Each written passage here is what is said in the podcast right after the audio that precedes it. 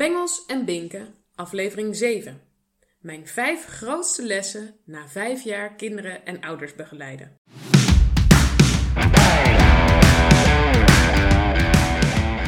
Ik geloof dat je als ouder je eigen keuzes moet maken in de opvoeding van je kinderen. Daarom help ik jou verder kijken dan de gebaande paden.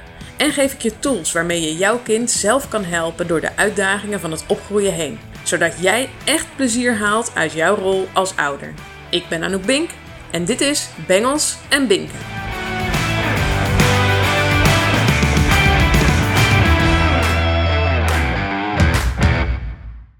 Hey, hallo, welkom bij deze nieuwe aflevering van de Bengels en Binken podcast. Fijn dat je er weer bent. Zoals ik je al wel eerder heb verteld, heb ik me in oktober 2015 ingeschreven bij de Kamer van Koophandel om mijn eigen praktijk te starten, Bink Coaching. Hoe ik daar precies ben gekomen en wat voor weg ik daar heb afgelegd, dat bespreek ik helemaal in aflevering 2 van deze podcast. Maar ik wil het vandaag graag hebben over wat ik eigenlijk geleerd heb in die periode. Wat ik geleerd heb in vijf jaar coaching van kinderen en ouders. Ik ben namelijk in oktober 2015 inderdaad gestart. Toen ben ik naar de KVK gegaan, heb ik me ingeschreven. Maar in februari 2016, toen startte ik met mijn allereerste training. Dat was een rots- en watertraining. En toen begon ik met mijn allereerste groepje kinderen uh, om hen te begeleiden om weerbaarder te worden.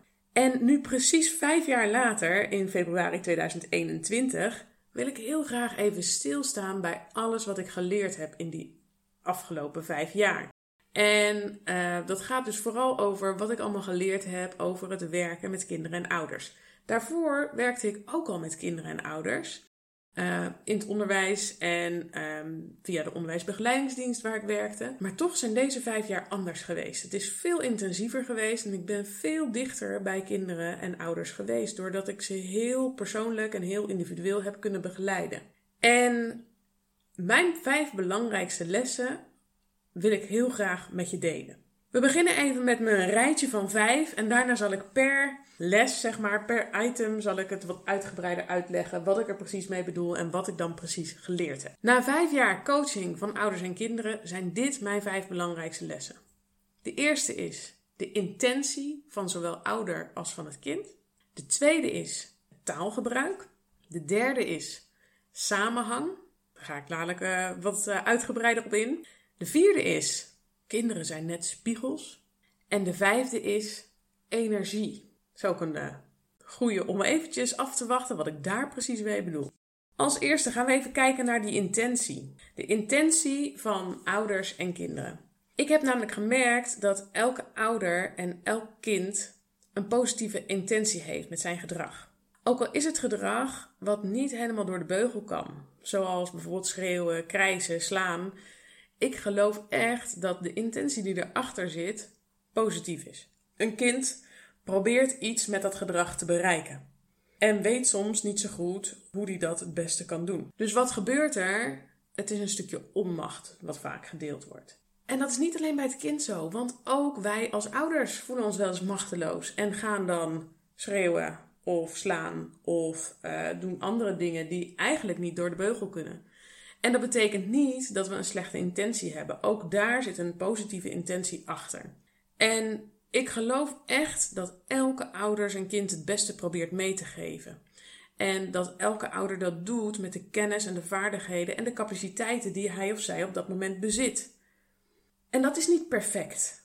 Nooit. En dat is ook oké. Want je hoeft niet perfect te zijn. Ik geloof namelijk echt dat onze kinderen, ook die van mij, over 20 of 30 jaar over ons zitten te praten bij hun coach of hun psycholoog. Daar kan je heel weinig aan veranderen. Je geeft je kind nou eenmaal dingen mee die hij over 20 of 30 jaar niet meer kan gebruiken of die toch niet zo fijn gevallen zijn, terwijl dat misschien niet je intentie was. Ze gaan sowieso tegen zaken aanlopen. En dat is ook oké. Zolang je dat in je achterhoofd houdt, leg je de lat ook wat minder hoog voor jezelf. Je hoeft niet perfect te zijn als ouder.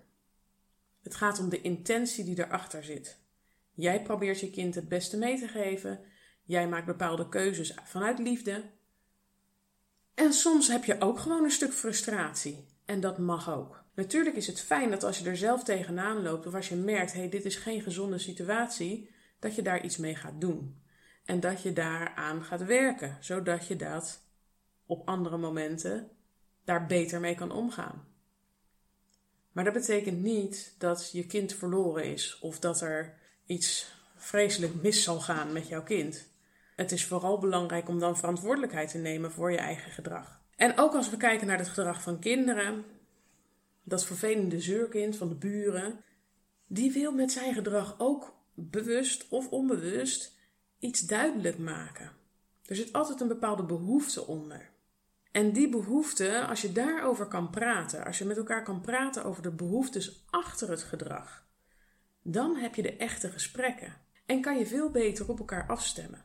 Dit doe ik heel vaak met ouders en kinderen. Behoeftes in kaart brengen en kijken welke emoties eraan gekoppeld zijn. Heel verhelderend. En super, super nuttig als je daar met elkaar over kan praten. Als je elkaar kan vertellen: hey, oké, het loopt nu even niet zo lekker. Ik heb behoefte aan even rust. Ik heb namelijk een hele drukke dag gehad. Terwijl jouw kind misschien wel behoefte heeft aan aandacht. Ja, die behoeftes botsen dan met elkaar. Maar door daar met elkaar over in gesprek te gaan, kan je daar wel afspraken over maken. En dat kan ook met jonge kinderen. Vanaf een jaar of zeven denk ik dat ze dit soort dingen wel kunnen begrijpen. En ik denk dat je al veel vroeger kan beginnen met het benoemen van dit soort zaken. Want hoe eerder je ermee begint om het te benoemen, hoe meer ze ermee bekend raken. En hoe makkelijker het uiteindelijk voor ze wordt. Mijn tweede les. Je taalgebruik als ouder is cruciaal. Taal doet zo ontzettend veel voor ons, zowel bij volwassenen als bij kinderen. Want het zit hem al in hele kleine dingen. Zoals bijvoorbeeld um, het gedrag benoemen in plaats van iemands persoonlijkheid. Als iemand iets vervelends doet, dan kan je zeggen: jij doet stom of jij bent stom. Het is maar één klein woordje verschil, maar de boodschap is totaal anders. Het een is gericht op het gedrag. hey, je doet iets onhandigs, je doet iets stoms. En het ander gaat over degene tegen wie het zegt. Jij bent stom. Door dat ene kleine woordje wordt het dus een totaal andere lading die je met iemand deelt. En zo doet taal zo ontzettend veel voor ons. Van jongs af aan leren wij namelijk onze taal door veel te luisteren. Je luistert naar wat er tegen je gezegd wordt en ook wat er over je gezegd wordt. En dat bepaalt voor een deel je zelfbeeld.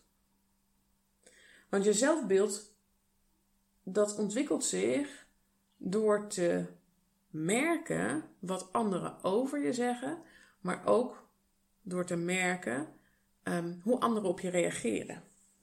Non-verbaal gedrag speelt hier uiteraard ook een grote rol in.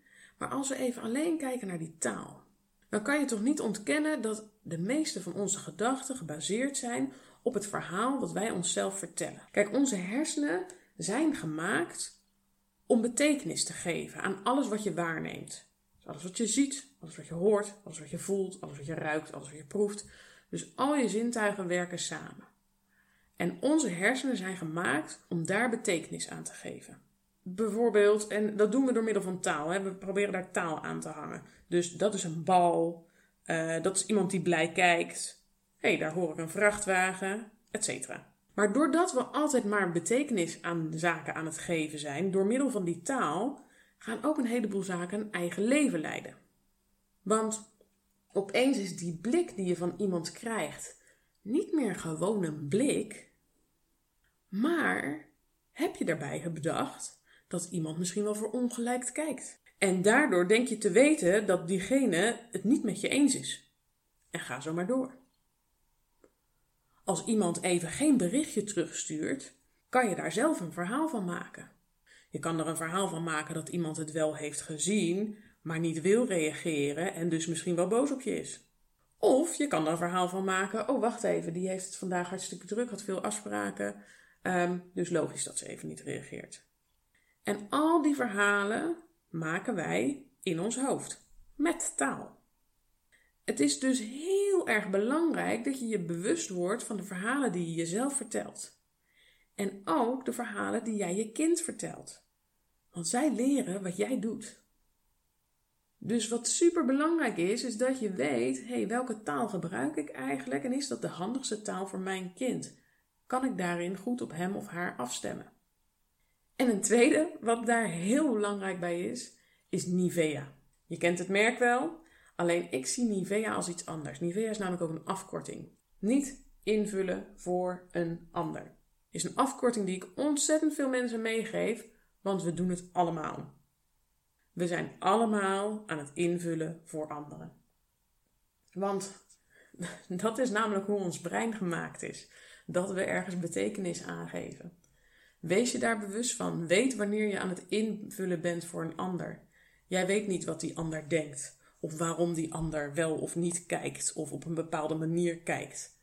Vraag het in plaats van invullen. De derde les. Ik noemde hem net al even. Samenhang. Ja, uh, wat bedoel ik daar nou precies mee? Ik vind het een lastig om uit te leggen, merk ik. Um, maar wat ik geleerd heb in de afgelopen jaren is dat er meer met elkaar samenhangt dan we vaak denken. Een kind is namelijk nooit alleen een kind. Een kind groeit op in een systeem. Hij erft eigenschappen van een vader, van een moeder en van de generaties die daarvoor zitten. Je groeit ook nog op in een bepaalde situatie, in een buurt, in een stad, in een land, in een cultuur. En al dat komt samen in het kind. Het gedrag van een kind komt eigenlijk voort uit verschillende factoren. Ik zie het als drie verschillende.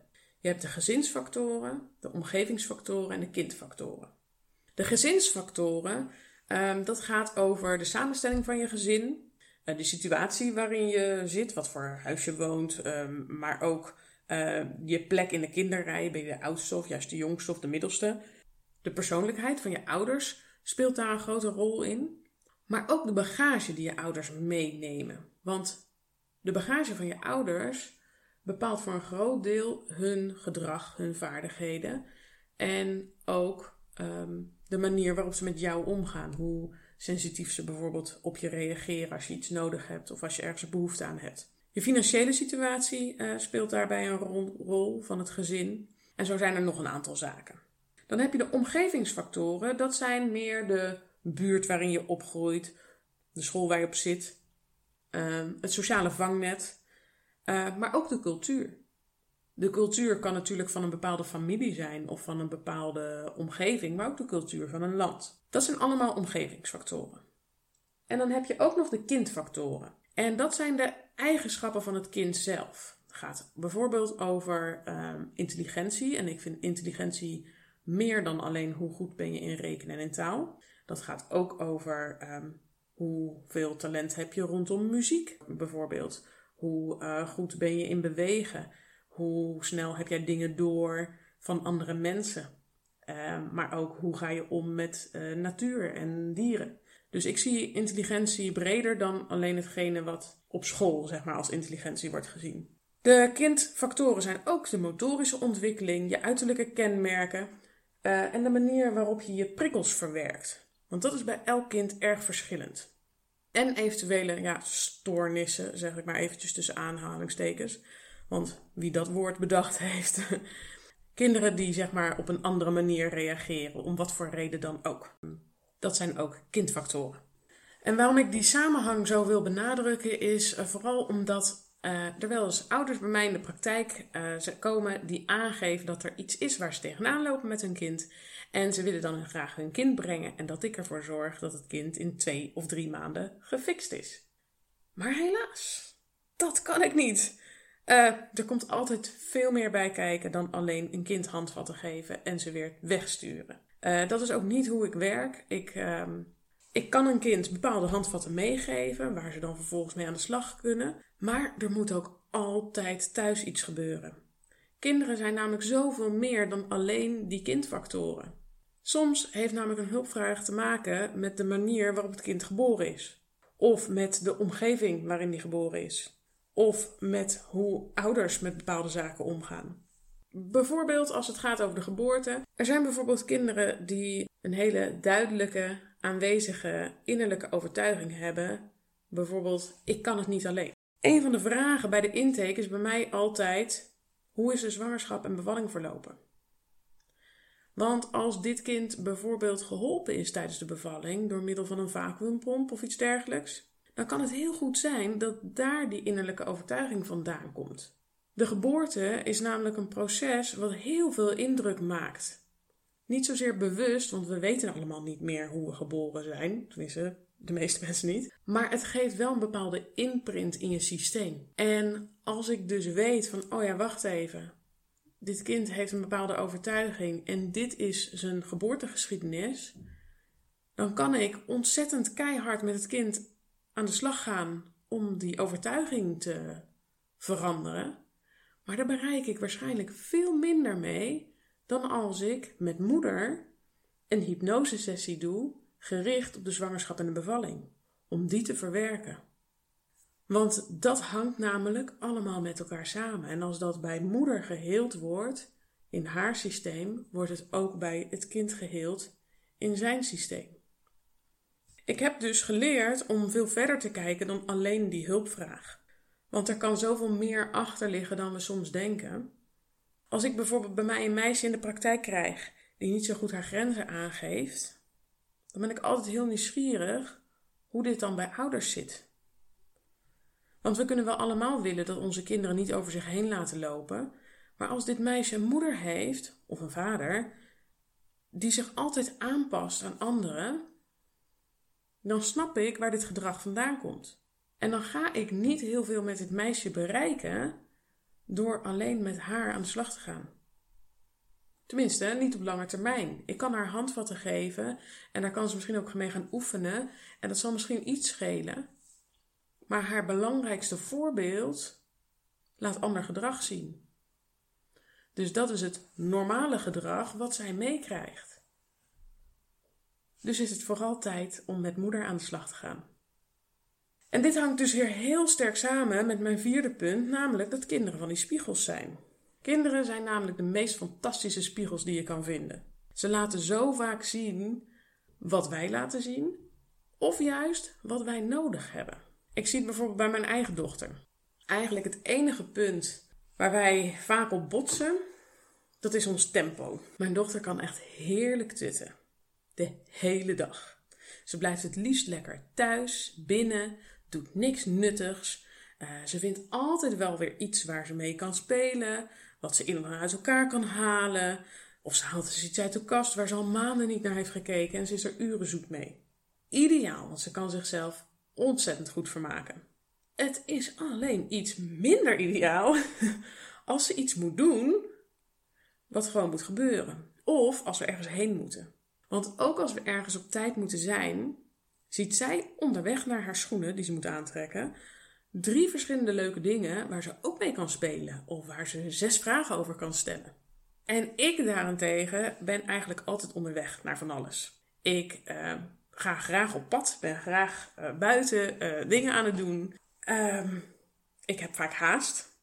Ik wil eigenlijk altijd wel iets nuttigs doen. En ik voel me altijd een beetje een niks nut als ik een middag op de bank lig.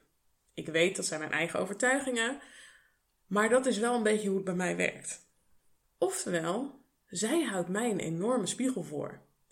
Want dat wat zij zo goed doet, dat zou ik eigenlijk wel eens wat meer mogen doen.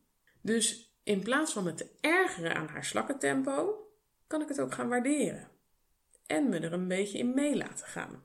Uh, dat lukt natuurlijk niet altijd. maar ik vind het wel altijd mooi om even bij stil te staan. Dat ik het ook kan waarderen. Dat ik er ook het mooie van in kan zien. En niet te lang natuurlijk, want ik moet weer door. Ik denk dat het dus super belangrijk is om als ouder ook kritisch te kijken van wat wil mijn kind nu eigenlijk op onbewust niveau aan mij vertellen. Is dit iets wat ik ook nodig heb of is dit juist iets wat ik herken bij mezelf? Als ik het herken bij mezelf en ik vind dit geen leuk gedrag, dan moet ik bij mezelf wel iets gaan veranderen.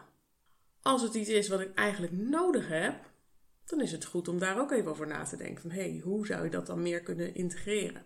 Zodat je wat meer naar elkaar toe kan komen, zeg maar, als een soort middenweg. En de vijfde les, dat is energie. Ik heb namelijk echt geleerd dat alles energie is. Alles wat ik doe, wat ik zeg, wat ik uitstraal, dat is allemaal energie. En die neem ik mee in mijn contacten met anderen. Kinderen zijn daar vaak nog wat ontvankelijker voor dan volwassenen. Maar ook veel volwassenen zijn daar gevoeliger voor dan ze denken. Er gebeurt gewoon um, een heleboel als je bijvoorbeeld ergens een ruimte binnenkomt. Stel dat je een ruimte binnenkomt en in die ruimte is net een ruzie geweest. Dan voel je dat. Je voelt, nou ja, ze zeggen het wel eens, de sfeer is om te snijden of de spanning is om te snijden. En dat herken je misschien wel. En dat is precies de energie waar ik het over heb. De ene keer is die wat explicieter aanwezig dan de andere keer, maar hij is er altijd. En mijn energie is super belangrijk in mijn werk. Want als mijn energie niet oké is, als ik heel moe ben, of zagrijnig, of afgeleid ben door van alles, dan heeft dat invloed op mijn uh, sessies. Heeft dat invloed op hoe goed ik iemand kan begeleiden, kan coachen. En datzelfde geldt natuurlijk ook voor jou als ouder. Als jij thuis komt na een lange dag werken en je bent moe en zagrijnig, je bent er klaar mee, je was soms gezeur op je werk, dan straal je dat ook uit naar je gezin. En zul je daar dus ook een bepaalde reactie op krijgen. En dat is meestal niet de reactie die je eigenlijk wil. Ik zie het bijvoorbeeld ook heel veel om me heen. Ouders die vaak afgeleid zijn, bijvoorbeeld door hun telefoon. In dat apparaat, daar gebeurt heel veel. Je leest nieuws, je krijgt berichtjes, leuke of juist minder leuke berichtjes. Of je krijgt juist geen berichtje, wat ook invloed kan hebben. En dit allemaal heeft effect op jou en jouw energie. Alles wat je daar leest, alles wat je daar ziet. En als je kinderen dan aanwezig zijn in dezelfde ruimte, dan heeft het ook effect op hen. Bijvoorbeeld omdat jij kortaf of geïrriteerd reageert, omdat je aandacht er niet echt bij is. Wees je dus heel bewust van de energie die je bij je draagt. En kijk eens of je daar ook bewuste keuzes in kan maken. Door wel echt aanwezig te zijn. Door je kinderen de echte aandacht te geven. En je zal merken dat als je ze die echte aandacht geeft, dat ze misschien ook veel minder om aandacht gaan vragen op een vervelende manier. En wees je eens bewust van de energie die je meeneemt als je thuis komt. Je merkt, oh ja, ik ben zagrijnig, het was een lange dag, nu, blijf nog vijf minuten langer in je auto zitten. Of op je fiets. Of doe er vijf minuten langer over om naar huis te komen. Om je weer even op te laden en je gezin het beste van jezelf te gunnen. Mijn conclusie na deze vijf jaar, deze vijf jaar die ik heb gewerkt als kindercoach, als jongerencoach en ook steeds meer als coach van ouders, is dus eigenlijk voornamelijk dat je als ouder al zo ontzettend veel kan doen, zelf, om ervoor te zorgen dat het goed gaat met jouw kinderen. Door zelf te werken aan je eigen bagage, aan je eigen energie, aan je taalgebruik, geef jij je kinderen het allerbeste mee. En dat is precies de intentie die we allemaal hebben, toch? En dit is voor mij de voornaamste reden dat ik na deze vijf jaar de knoop heb doorgehakt. Ik ga steeds meer met ouders aan de slag. Ik ga zeker ook nog wel kinderen coachen. Zeker als het kinderen zijn waarbij um, ze wat hulp kunnen gebruiken in hun eigen kindfactoren. Maar de hoofdmoot wordt bij mij ouders. Want door met ouders aan de slag te gaan, bereik ik veel meer op een veel duurzamere manier. Want als jij als ouder goed weet hoe je met je eigen shit om moet gaan, en wat voor effect jouw gedrag heeft op jouw kinderen, dan kan je daar een hele lange tijd mee vooruit. Als jij als ouder goed weet hoe je jouw kind ergens bij kan begeleiden, dan heeft jouw kind niet iedere twee of drie jaar een coach nodig. Natuurlijk is het soms fijn voor kinderen om even te praten en um, wat dingen te leren van iemand, van een buitenstaander. Die kinderen zijn echt van harte welkom. Maar mijn allerbelangrijkste boodschap is: laten we eerst kijken naar wat jij kan doen. Daarom heb ik deze week, precies vijf jaar na het starten van mijn eerste training, heb ik een nieuwe website. En die is deze week live gegaan en daarop kan je ook mijn nieuwe aanbod zien. Het is een aanbod gericht op moeders, maar het kan uiteraard ook ingezet worden voor vaders. En de twee belangrijkste trajecten die ik aanbied, dat zijn de Bink Power en de Bink Supermam. De Bink Power is een traject speciaal voor moeders die hun zelfvertrouwen willen vergroten en meer plezier willen halen uit hun rol als moeder. Dus dan ga ik echt met jou individueel aan de slag met je eigen stuk. Wie ben je? Wat zijn je grenzen? Hoe kan je die op een goede manier aangeven? Um, hoe kies je voor jezelf? Wat zijn onderliggende overtuigingen waaraan gewerkt kan worden, zodat jij echt de beste moeder voor je kids kan zijn? En de Bink Supermam is een traject speciaal voor moeders die hun kind zelf willen ondersteunen.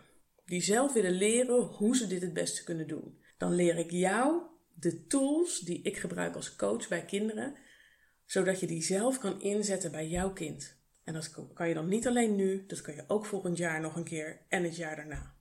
Ik heb deze trajecten al verschillende keren gedraaid en het is echt fantastisch om te doen. Ik word er zo blij van en de resultaten zijn echt top. Dus ik ben heel blij met deze switch in mijn bedrijf. En ik hoop heel erg dat jullie het ook aanspreekt. Dus laat vooral weten wat je ervan vindt. Je kunt mijn nieuwe website natuurlijk vinden op www.bingcoaching.nl. Stuur me even een berichtje als je hem gezien hebt om te kijken wat jij ervan vindt. Als je kritische opmerkingen hebt, zijn die ook van harte welkom, want ik wil hem natuurlijk zo goed mogelijk hebben. Dus ja, laat het weten. Ik ben benieuwd. Als je trouwens iemand kent waarbij je denkt: hey, dit traject past goed bij hem of bij haar, stuur het gerust even door. Ik vind het onwijs fijn dat je weer naar deze uitzending hebt geluisterd. Ik hoop dat je heel veel hebt aan deze lessen, dat je er zelf ook wat mee kan. En ik wil nog één laatste toegift meegeven. En dat is: bedenk altijd: kinderen zijn net mensen.